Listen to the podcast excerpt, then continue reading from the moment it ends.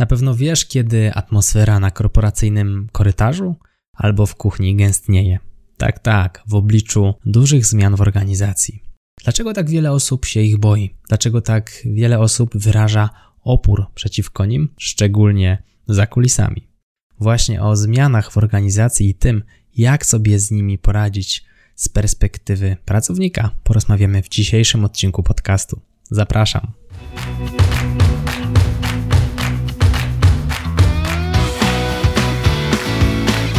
Chcesz przenieść swoją karierę na wyższy poziom? Nieważne, czy pracujesz na etacie, czy jesteś przedsiębiorcą. Świetnie trafiłeś.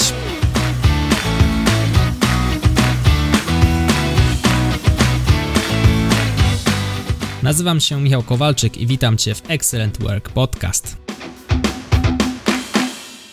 Jak radzić sobie ze zmianą? Opór przed zmianą jest naturalną reakcją pracownika, bez względu nawet na jego szczebel. I ja również taki opór wykazywałem. O tym nieco więcej na samym końcu tego odcinka. Natomiast zastanówmy się, dlaczego ten opór się pojawia. To jest wręcz pierwotny nasz instynkt. Jeżeli coś znamy, ładnie mamy wszystko ułożone, wiemy jak działać, nawyki pracują, nawyki, nad którymi nawet się nie zastanawiamy, to dlaczego ktoś chce nam zburzyć ten ład? Dlaczego ktoś chce zbudować go na nowo?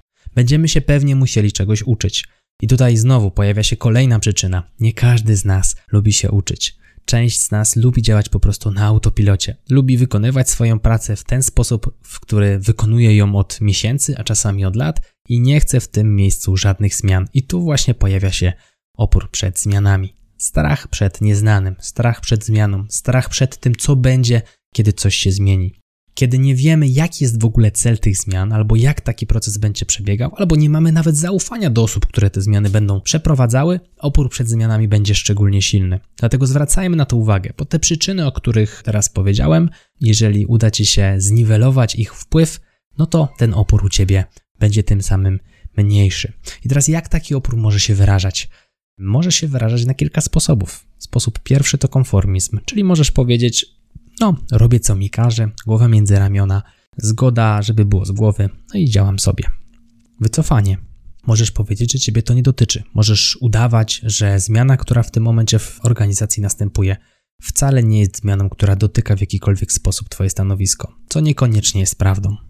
Rytualizm, czyli udaję, że robię to, co jest wymagane, ale w zasadzie to taki trochę włoski strajk, czyli no, robienie dla sztuki. No i na końcu odrzucenie, czyli postawienie okoniem jasno swojego stanowiska.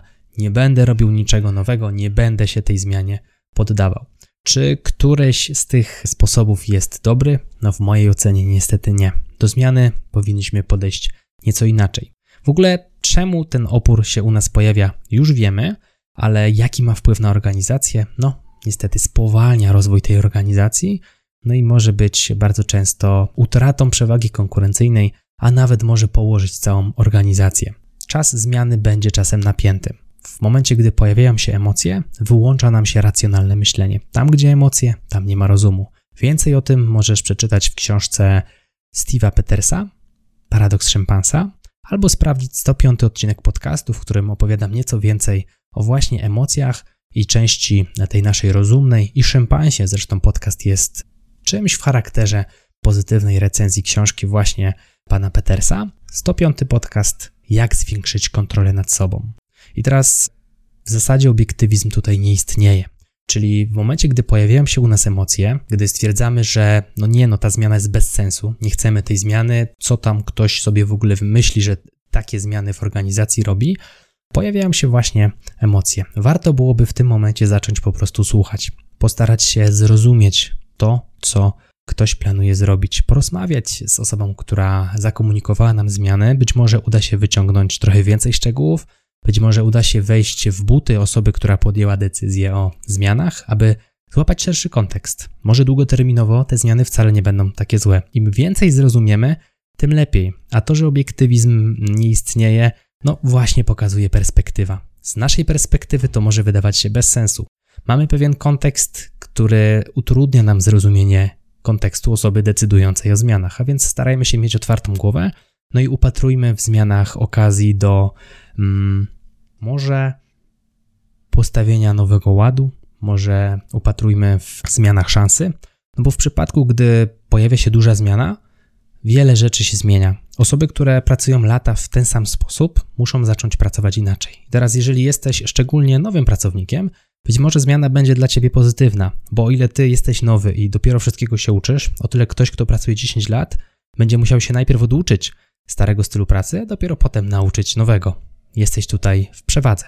A więc są sytuacje, w których ty, jako nowy pracownik, możesz mieć przewagi. Ja podobną sytuację w swojej karierze odbyłem w pierwszej pracy.